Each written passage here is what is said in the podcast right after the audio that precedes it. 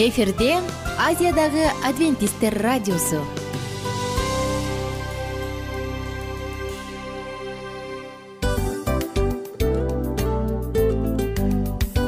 Достор салют. Баардык сүйүктүү угармандарыбызга салам айтабыз. Кутман күнүңүздөр менен. Ден соолук өмүрдүн булагы демекчи саламат саамы программасында баарыңыздарды көргөнүбүзгө абдан кубанычтабыз. Анда алгач амандашып өтөлү арбаңыздар деп. Ден соолугуңуздар кандай элибизде көбүнчө ден соолук кандай дегенде эле жакшы деп жооп беребиз э? ооруп турсак дагы жакшы дейбиз анан мен муну айтып ойлойт элем бул абдан сонун сөз депчи анткени бул жакшы деген үмүт да ооба. баары жакшы болот. Баары сонун. Деп үмүттөнүп атып эле өзүбүздү өзүбүз дарылап коебуз. Анысы кандай? Сиздин дагы ден соолугуңуз жакшы беш деген үмүттөбүз чындыгында ден соолук бул өмүрдүн булагы деп бекеринен айтылган эмес деп ойлойм. Кыргыз элинде. Анткени эгерде ден соолук жок болсо анда адамдын жашоосунда калган баардык керектүү маңыздуу нерселер өзүнүн баалуулугун жоготуп коет. Ошондуктан ден соолук бул эң керектүү нерсе. Ооба туура айтасың кесиптешим. Чынында ден соолугуң жок бир эки үч күн ооруп калсаң эле кандай болуп калат? Жашоодо көз каранды болуп каласың көп нерсеге жетишпей каласың көп нерсени кыла албай каласың жада калса эшикке дүкөнгө да чыга албай каласың. Туп туура анан ден соолук болсо демек биз биздин бактыбыз тотой деп койсок болот.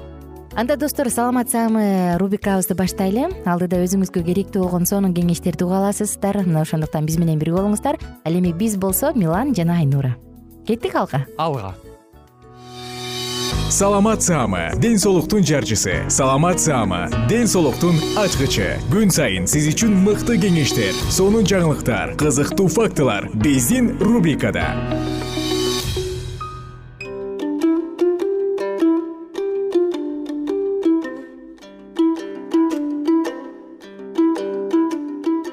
Саламатсыздарбы кадырман угармандар. Азыр жер планетасынын көйгөйү болуп ашыкча салмак эсептелинди анткени бул өнөкөт. Өзүнүн артынан көптөгөн көйгөйлөрдү алып келип мисалга диабет кан басымдын жогорулашы жана жүрөк кан тамыр оорулары. Биздин уктурууларыбызды калтырбай уксаңыз анда сиз ашык салмактан арылуунун бир нече жолдорун уксаңыз керек. Эгер укпай калсаңыз анда бүгүнкү программабызды кунт коюп тыңдаңыз.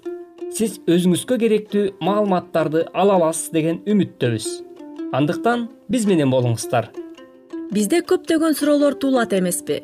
Анын бири төмөндөгүчө. Жаш өйдөлөгөн сайын булчуңдар майга айланат деген чынбы. Булчуң тканы майга айланбайт.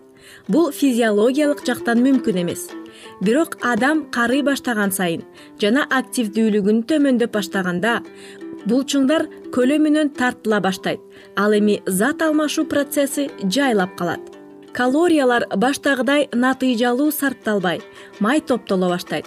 Бул майлардын бир бөлүгү булчуң. Булчуң бууласынын тегерегинде топтоло баштайт. Мына ошондон улам булчуңдар майга айланып жаткандай түшүнүк калтырат. Май дал ошо булчуңдарда күйүп бүтөөрүн түшүнүү өтө маанилүү. Адамдардын булчуң ткани канчалык көп болсо бул процесс ошончолук тез жана натыйжалуу кетет. Эркектер тамакты көп жеп бирок ошол эле учурда аялдарга караганда салмагын тез таштагандыгын себеби ушул эмеспи. Эң туура дене бой көнүгүүлөрү эмне үчүн салмакты көзөмөлдөөгө жардам берет дегенди дагы бир түшүндүрмөсү мына. Алар булчуңду өстүрүүгө көмөк болот. Май болсо ошол учурда күйөт жана тескерисинче кыймыл аракеттин жетишсиздиги тамактануудагы кемчилдиктер тамактануудагы кемчилдиктер булчуң ткандардын өлүшүнө алып келет. Эгер мындай абал кыйла узакка сактала турган болсо анда салмактын андан ары да төмөндөшү мүмкүн болбой калат. Дене бой көнүгүүлөрүнүн отуз минутадан жумасына үч жолу жасоо жетишээрлик болобу. Эгер сиз өзүңүздү жакшы калыпка салсаңыз салмагыңыз самандай болсо анда ал жетиштүү. А эгер сиз али ашык килограммдан кутула элек болсоңуз анда бийигирээк мээлеңиз күнүгө бир сааттан кем эмес денени тарбиялаңыз. Анда эң мыкты көнүгүү кайсы болду экен? Көнүгүүлөрдүн эң мыктысы жана коркунучсуз бул жөө басуу. Андан кийинкиси сууда сүзүү. Дурус спорттук формадагы адамдар. Мындан алда канча активдүүрөөк көнүгүүлөрдү оболу жай баракат шашылбай колуңуздан келүүчүсүнөн баштаңыз. Сиздин максатыңыз алгачкы убакта тез басуу эмес. Басып өткөн аралык жана басууга жумшалган убактыңыз маанилүү. Айрым адамга бир күнүгө бир нече жолу беш минутадан басууга туура келет. Бир эле аралыкты жыйырма беш килограмм ашык салмагы бар адам басып өткөндө ошол эле аралыкты он килограмм ашык салмагы бар адам басып өткөнгө караганда көп калория короторун эске алуу керек. Эгерде сиз сымбаттуу болгуңуз келсе даярданыңыз. Өзүңүзгө өзүңүз гана кеттик деп команда бериңиз. Ошентип ашык килограммдан бошонууну баштаңыз да калган өмүр жашыңызга кадам шилтөөнү уланта бериңиз. Баары сиздин колуңуздан башталат ардактуу угарманым. Тамактагы калорияларга да көңүл буруңуз. Мисалы алманы алыңыз. Анда витаминдер микроэлементтер клетчатка жана бар болгону жетимиш беш гана калория бар эгер биз ошол алманы табигый түрдө жесек муктаждык жок эле. Бирок биз аны кантка суугарып калориясын арбытып кайнатып варенье жасап жатабыз. Же алманын ширесин сыгып алабыз да калориясын топтоп а клетчаткасын ыргытып жиберебиз. Алманы кошуп көптөгөн таттуу токочторду да жасайбыз. Анын ордуна канча алма жесе болоор эле. Кеп мына ошондо. Анчалык калория алуу үчүн сиз сегиз алма жешиңиз керек болоор эле. Бирок көпчүлүгүбүз анча жей албасыбызды билебиз. Биз эки үчтү жеген соң канааттанганыбызды билебиз. Дагы мисалга картошканы алсак. Картошка жупуну ашык эч нерсе талап кылынбаган аш болумдуу мыкты азык ал канчалык жакшы келгиле мисал келтирели. Бир нече жыл илгери бир окумуштуу эксперимент жүргүзгөн экен. Ал бир жыл бою жалаң картошка менен тамактанган анан эмне болду дебейсиңерби? Анын салмагы анын саламаттыгы сак күч кубаты ордунда болуп чыкты. Жөнөкөй картошка мисалга эки жүз отуз грамм болсун дейли. Бир чоң картошка болжол менен жүз кырк калория болот. Бирок ким эле? Жалаң картошка жей берсин. Биз аны албетте даамдуу кылууга аракеттенебиз. Мисалга каймак май кошобуз да көптөрүбүз жакшы көргөндөр кыйла май куябыз жана аны чипси жасайбыз да анын калориясын бир нече эсеге көтөрөбүз. Бул бир гана картошка эмес. Мисалга жашылчалардан жасалган салаттардын өсүмдүк майы майонез менен аралаштырып жана жемиштерди шекер менен аралаштырып аларга эки үч эсе калориясын көбөйтүп май же соустарды кошмоюнча жасай албайбыз.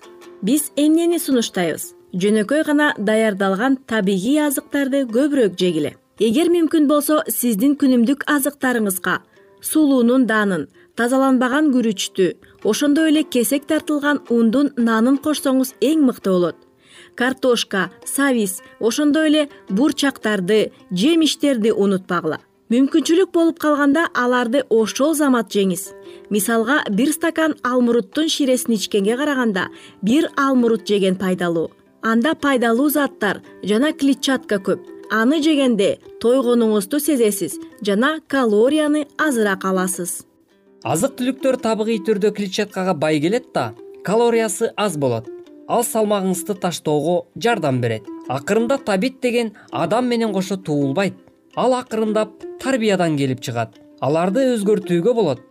Аз сиздин тырышчаактыгыңыз чыдамкайлыгыңыз биргелгендик менен кайталоо керек. Аз сиздин тырышчаактыгыңыз чыдамкайлыгыңыз берилгендик менен кайталоо керек. Урматтуу угармандар бүгүн сиздер ашыкча салмактан арылуу жаатында бир аз болсо дагы кеңештерди ала алдыңыз деген үмүттөбүз. Келэрки уктурууда кезиккенче сак саламатта болуңуздар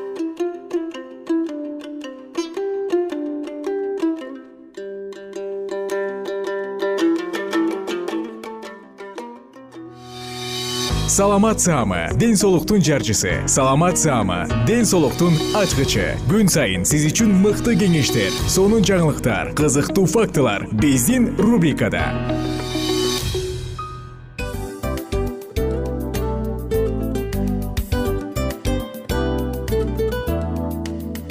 Салам достор. Ачуу душман акыл дос. Акылыңа акыл кош демекчи биздин дил маек рубрикасына кош келиңиздер. Дил маек программасында ар кандай темаларды козгойбуз? Балдарды өстүрүү аларды тарбиялоо кантип балдарды бактылуу кыла алабыз?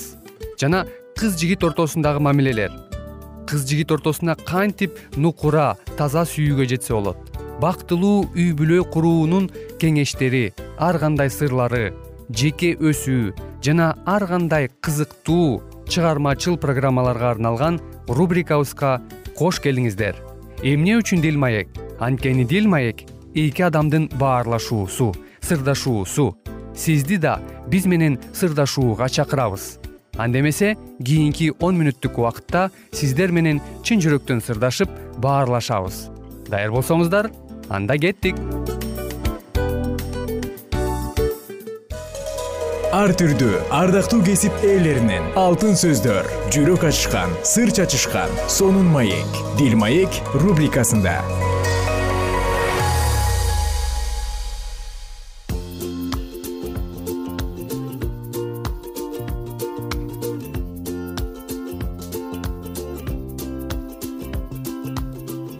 салам достор. Биздин угармандарыбызга сагынычтуу салам айтабыз. Кайрадан дил маек уктуруусун баштадык. Бүгүн сиздерге сонун бир тема сунуштайлы деп турабыз. Эфирде мен мику жана менин кесиптешим аку кызыктуу теманы сунуштамакчыбыз. Эгерде сиздер э, бирөө менен сүйүшүп күйүшүп жүрсөңөр үй бүлө кура элек болсоңор ал эми силер үй бүлөлүк жашоодо көп. Жылдан бери жашап жүрсөңүздөр сиздерге дагы абдан кызыктуу тема болот.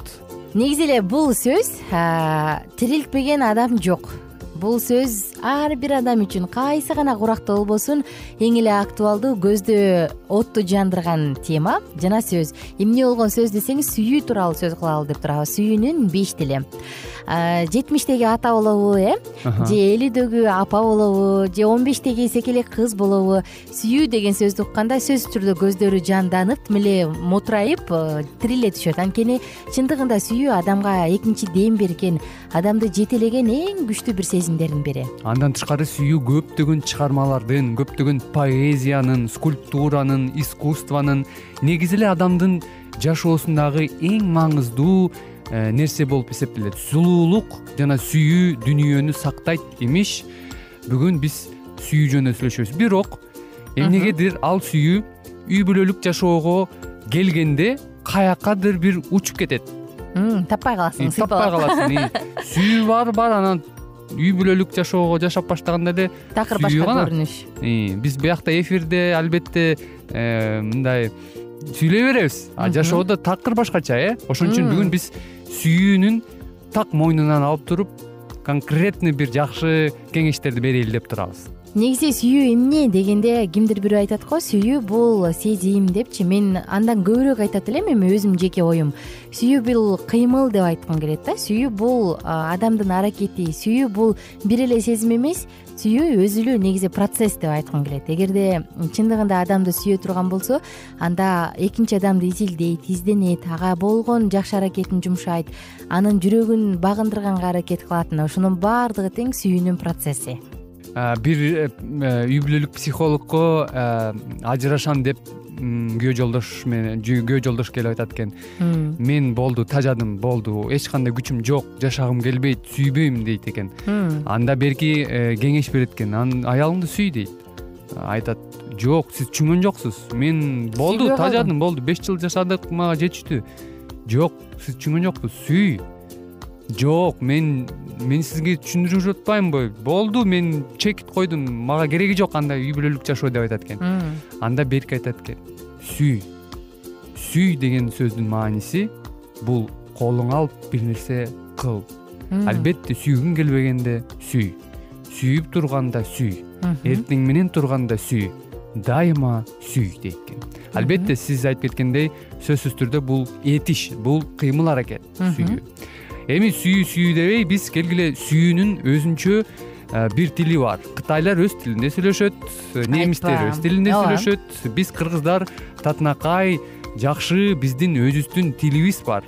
Биз өзүбүздүн тилибиз менен колдонуп бири бирибиз менен баарлашабыз. Жада калса азыркы биздин эфир мына биздин кыргыз тилинде болуп кыргыз тилинде биздин сүйүктүү тилибизде болуп турат. Биз жеткирген маалымат сиздерге биздин тилибиз аркылуу кетип атат. Эмнеге муну айттым мен? Анткени сүйүүнүн дагы тилдери бар. өзүнүн тилдери бар экен. Туптуура айта кеттиңиз кесиптеш э, ар бир нерсенин тили болгондой эле сүйүүнүн да тили бар. Кээде бул мени сүйбөйт сен мени сүйбөйсүң десе ай мен сени сүйөм моундай моундай кылып атпаймынбы десе жок сен мени сүйбөйсүң деп экинчи тарап башка такыр эле башка нерсени күтө берет экен. Мындай учурларда бизге жардам бере турган дал ушул сүйүүнүн тили. Окумуштуулар сүйүүнүн беш тилин далилдеп чыгышкан сүйүү беш тилде болот деп. Балким кимдир бирөөдө бир гана тили болсо кимдир бирөөдө сүйүүнүн үч тили сүйлөшү мүмкүн. Кимдир бирөөндө эки тили. Айтор аны изилдеп билип алсаң демек үй бүлөлүк жашоодо сен жеңиштүү жана жемиштүү болосуң дейт. Тилдердин аты жөнүндө биз кийинки уктурууларда сөз кылабыз. Ал эми азыр сүйүүнүн тили эмне үчүн керек дегиле? Ошону ошого кичине токтоло кетпейлиби э? Биз кээ бирде э, үй бүлөлүк жашоодо сүйүүдө мисалы үчүн Э, эми мындай э, кара сөз менен бир кырдаалды сиздерге түшүндүрүп берейин. Элестеткиле э, шоро саткан эжеге бир немис келип немисче мен шоро ичем деп атат. Эжеке түшүнө албайт. Эжеке түшүнбөйт. Эмне эмне деп атат? Мен шоро ичким келип атат дегенин түшүнбөй акчасын эки эсе деле төлөйүн деп атат. Бул деген адашып кеткен го деп ойлоп атат. Берки айтат мага шоро дейт. Мага шоро куюп бериңиз суусуп атам деп. А тиги түшүнгөнү боюнча такыр башкачаны айтып атат. Анан экөө ошентип э, берки немис беш эсе акча төлөп берейин. Куюп бериңиз десе да болбой коет. Албетте күлкүлүү. Бирок турмушта сүйүүдө негизи мамилелерде дагы ушундай экен. Биз э, тилекке каршы көп учурда сүйүүнүн тилдерине көңүл бурбай эле өзүбүз билгендей эле өзүбүздүн сүйүүбүздүн сүйүү акцентинде сүйлөй берет экенбиз. А бирок биз билишибиз керек. Ар бир адам эркек аял өзүнүн сүйүүнү сезе турган сүйүүнү кармай турган сүйүүнү түшүнө турган өзүнүн тилдери бар. Эгерде аларга ошол тилде айтсаңыздар анда ал сөзсүз сүйүүнүн даамын татып түшүнө алат. Экинчи адам сөзсүз бактылуу болот да анда эгерде сүйүүнүн тилин билип алсак кандай бул айымга же бул мырзага эмне жагат экенин билип алсак жакшы. Көбүнчө баягы сүйлөшүп жүргөндө кыз жигит болуп жүргөндө мырзалар көбүрөөк ийгиликке жетишет. Алар сүйгөн айымдын жүрөгүн багындыра алышат. Эмне себептен? Анткени аял затынын э, сүйүү тилдери көбүнчө окшошуп келет. Анан э, эң эле биринчи көңүл буруу э сүйлөшүп жүргөндө мырзалар болсо болушунча көңүл бурат болушунча убактын айт белегин берет жылуу сөздөрүн айтат ошентип отуруп аял затынын жүрөгүн багындырып алат үйлөнгөндөн кийин бир эки жылдан кийин эле баягы мырза жок. Өзүнчө өз алдынча эле тиги бурчка отуруп телефон чукулайт достору менен кетет анан баягы дулдуйюп деп коет го дулдуюп эле өзүнчө бир түйүнтү адамга айлана баштайт да. Анан келинчеги мени сүйбөй калды бул башка бирөөнү таба алган го. Же менден көңүлү калып калдыбы дейт дагы кыялын көргөзө баштайт. Мына мындай учурда демек сиз болгону гана сүйүү тилин колдонбой келинчегиңиздин же жолдошуңуздун жүрөгүн багындырбай баштадыңыз. А кимдир бирөө айтат го үй бүлө курганда эле бул жеттим деген эмес бул процесстин эми гана башталганы депчи бул күрөштүн эми гана башталганы деп. Мына ошондуктан келиңиздер алдыңкы темаларды калтырбаңыз биз сизге сүйүүнүн беш тили жөнүндө кененирээк айтып беребиз. Э, кененирээк сөз кылабыз. Анан сөзсүз түрдө үй бүлөңүздө жашооңузда чоң жардам берет деген ишенимдемин негизи бирок бул сүйүүнүн э, тили деген жаңы нерсе эмес экен. Чындыгында ар бир адам ар бир баягы жашоонун доорунда же э, жашында өзүнүн тилинде сүйлөйт. Мисалы үчүн биздин ымыркайлар кичинекей балдар алардын өздөрүнүн тили бар. Мен азыр ой айтпа. биз сүйлөгөн тил жөнүндө айткан жокмун. Мен негизи эле сүйүүнүн тилин жөнүндө айтып атам. Балдардын өзүнүн тили бар. Алар сүйүүнү башкача түшүнүшөт кызыктуу бир нерсе. Баягы э, ымыркайлардын интернатында ташталып кеткен ымыркайлардын э, жерлеринде. Ал жерде өскөн кичинекей балдар көбүрөөк оорушат ооруйт экен көбүрөөк ооруларга чалдыгат экен анан окумуштуулар изилдептир эмнеге мындай болуп атат деп көрсө аларга ошол жерде жаткан э, кичинекей ымыркайлар чоң адамдардын э, баягы колу абдан аз тиет экен. Жакшы сөздөр аз чыгат экен. Анткени ал жерде иштеген аялдардын саны аз болгондуктан жыйырма отуз ымыркайга албетте убагы жетпейт. Тамагын берет мындай кылат. Анан кенен отуруп колго алып көтөрүп алар менен ойноп колу менен сүйүүсүн тийгизип көрсөткөнүн алар билишпейт. Ошол себептен эмнегедир көп оорушат экен. Ал эми үй бүлөдө өскөн ымыркайлар албетте сөзсүз түрдө энеси баласынын колуна алат кучактайт сыйлайт жыттайт. Андай балдар азыраак оорушат экен. Бул кичинекей балдардын тили ошол сүйүүсү алар ошол колдун тийгендиги менен үнүн э, энесинин үнүн уккандыгы менен сүйүүнү билишет экен. Кызыктуу нерсе ал эмес жан жаныбарларды карап отурсаң таң каласың э? Мисалы э, кулун келип алып бээге сүйкөнөт эркелейт э, мойнун тийгизет бири бирин жытташат карап отуруп таң каласың да. Бул да болсо бир сүйүүнүн бир тили. Же болбосо жетелешип жүргөн айымдар кыз жигитти көрөсүң ата энесин көрөсүң бири бирин кучактаган мунун баарын карап отуруп адам мындай кубаттанып калган аларда дофамин көбүрөөк иштелип чыкканын байкайсың да эндорфин көбүрөөк иштелип чыкканын байкайсың да бактылуу болуп калганын сезесиң. Угармандар силер кызыгып калдыңар болуш керек. Эмесе эң кызыктуу жеринен биз токтотушубуз керек. Э, бирок э, кайгыга батпаңыз сөзсүз түрдө сиздер менен ар бир тил жөнүндө кенен кенен сүйлөшөбүз. Эмесе эмесе убактылуу коштошобуз кийинки уктурууда сүйүүнүн биринчи тилин айтып беребиз. Биз менен бирге болуңуздар. Кызматта мику жана аку ар түрдүү ардактуу кесип ээлеринен алтын сөздөр жүрөк ачышкан сыр чачышкан сонун маек дил маек рубрикасында.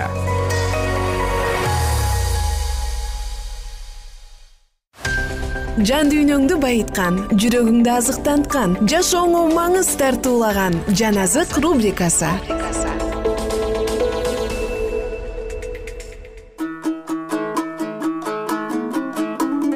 саламатсыздарбы айымдар жана мырзалар. Сиздер менен улуу күрөш китебин улантабыз. Кальвин түштүк тарапты көздө жүрүп олтуруп ханзада маргаританын менчигинен өзүнө кайрадан баш калка тапкан. Бул жерде өзүн коргогон күчтүү адамдардын арасында ал бир нече ай убакыт жашады жана өз адатынча күн сайын кудай сөзүн окуп эмгектенген. Бирок аны францияга чындыкты таратуу керектиги жөнүндөгү ойлор эч убакта таштаган жок жана ал көп убакыттар колун жазып аракетсиз жата берүүнү дагы каалабады. Бул болуп өткөн толкун бир аз убакыт токтоло калары менен ал университети бар жана жаңы окутуу жакшы маанайда кабыл алына турган пуатье шаарында жаңы эмгек талаасын тапты. Бул жердин ар кандай даражадагы адамдары жакшы кабардын чындыктарын кубануу менен кабыл алышкан. Кальвин ал жерде кудай сөзүн ачык таратып жарыялаган эмес бирок өзү жашап турган башкы соттун үйүндө жана ал кээде ким уккусу келе турган болсо алар үчүн түбөлүктүү өмүрдүн сөздөрүн жалпы эс алуучу бакчыларда тараткан. Кийинчерээк анын угуучулары көбөйө баштаганда шаар сыртына чогулуу коопсуз болот деген чечимге келишкен. Ал жактан талдардын жалбырактары жана асканын ташы менен жабылып жашырылган үңкүрдөн ылайыктуу жай табышты. Жана ал жака шаардан ар кандай жол менен билинбес үчүн анча чоң эмес топ адамдар болуп келишкен бул обочолонгон үңкүрдө адамдар ыйык жазууларды изилдешип жана өздөрүнүн билбеген нерселерине түшүнүп калышкан. Ошол жерде биринчи жолу франциянын протестанттары теңирдин кече тамагын өткөрүшкөн жана ушул кичинекей жыйындан бир нече ишенимдүү насаатчы адамдар чыгышты. Жана кайрадан кальвин парижге келет. Түгөл францияда франция мамлекети реформациянын пикирин кабыл алат деген ой максат аны эч убакта калтырган эмес. Бирок бир нече убакыт жүргөндөн кийин бул жерде иштөөгө эч кандай мүмкүндүк жок экендигин түшүндү. Жакшы кабарды таратуу бул адам өрттөөчү жайда болуу дегенди билдиргендиктен жана акыры ал германияга кетүүгө туура келет. Кайрадан протестанттар үчүн каардуу толкун башталгандыктан ал франциядан арааңдан зорго чыгып кетет. Эгерде ал францияда калып кала турган болсо анда кальвин өз башын өз ийнине алып жүрмөк эмес. Франциядагы реформаторлор германиялык жана швейцариялык бир туугандардан кем калышпас үчүн римдин жалгандыкка ишенүүлөрүнө каршы тайманбаган сокку урууну жана түгөл мамлекеттик кыймылга келтирүүнү туура деп табышты. Бир түндүн ичинде түгөл францияда католик чиркөөлөрүн сынга алган плакат кагаздары ар кайсы жерлерге жабыштырылып чыккан. Бирок бул ойлонулбай жасалган кадам күтүп турган ийгиликтин ордуна бир гана реформаторлорго эле эмес аларды жактаган адамдарга дагы өлтүрүүчү кадам болгон. Папанын жактоочулары өздөрү көптөн бери күтүп жүргөн нерселерине ээ болушту. Анткени протестанттарды биротоло жок кылыш үчүн алар жалпы адамдарды чуулганга салат. Жана бул тактыга дагы жана мамлекеттик келишимге дагы коркунуч туудуруучу үгүтчүлөрдүн уюму деген шылтоо айтууга шарт түзүлгөн кимдир бирөөнүн колу реформациянын акылсыз досу тарапта болушу ыктымал. Ал эми кимдир бирөөнүкү анын душмандары тарапта. Бул азыр дагы белгисиз деген плакат падышанын бөлмөсүнө илинип калат. Муну көргөн падышанын эмне кылаарын билбей жүзүндөгү куту учту. Бул жазылган кагаз анын көп жылдардан бери кадырлап жана урматтап жүргөн ырым жырымына болгон ишенимине катуу сокку урду падышанын өзүнө ушундай одоно сөздөрдү айтып калтыргандыгы падышанын каарын биротоло кайнатты бул жосунга дең дароо болгон падыша бир нече убакыт тили ооздон калып таң калуудан бүткөн боюн калтырак басат. Андан кийин анын каары кийинки айткан сөздөрүнөн байкалат. Лютерандык деп күмөн саналган ар бир адамды анын даражасына карабастан кармашсын.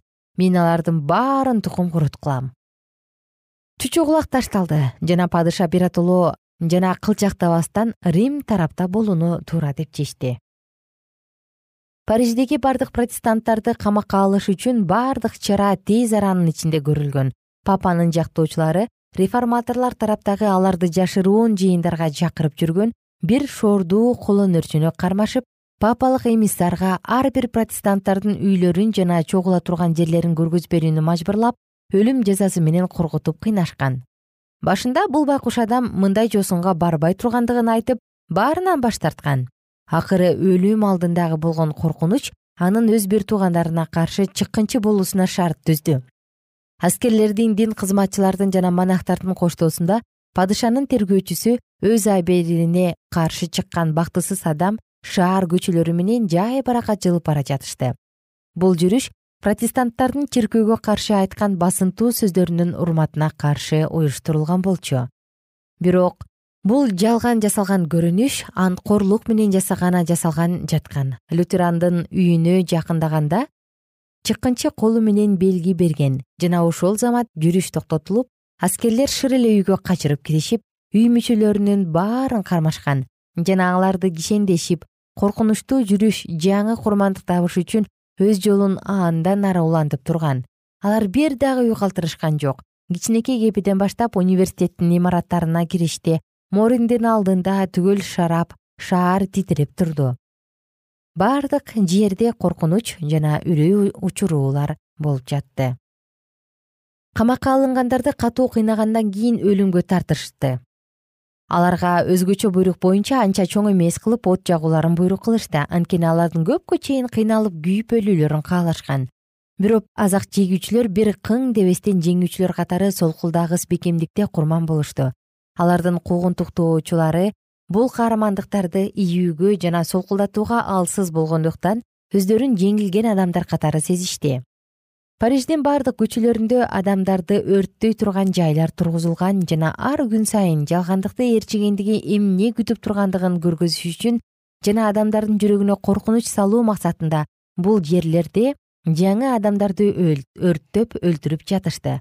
Бирок акыры жеңиш жакшы кабар тарапта болду. Жаңы окутуулар кандай адамдарды өстүрүп чыгараарын бардык адамдар көрүшкөнүн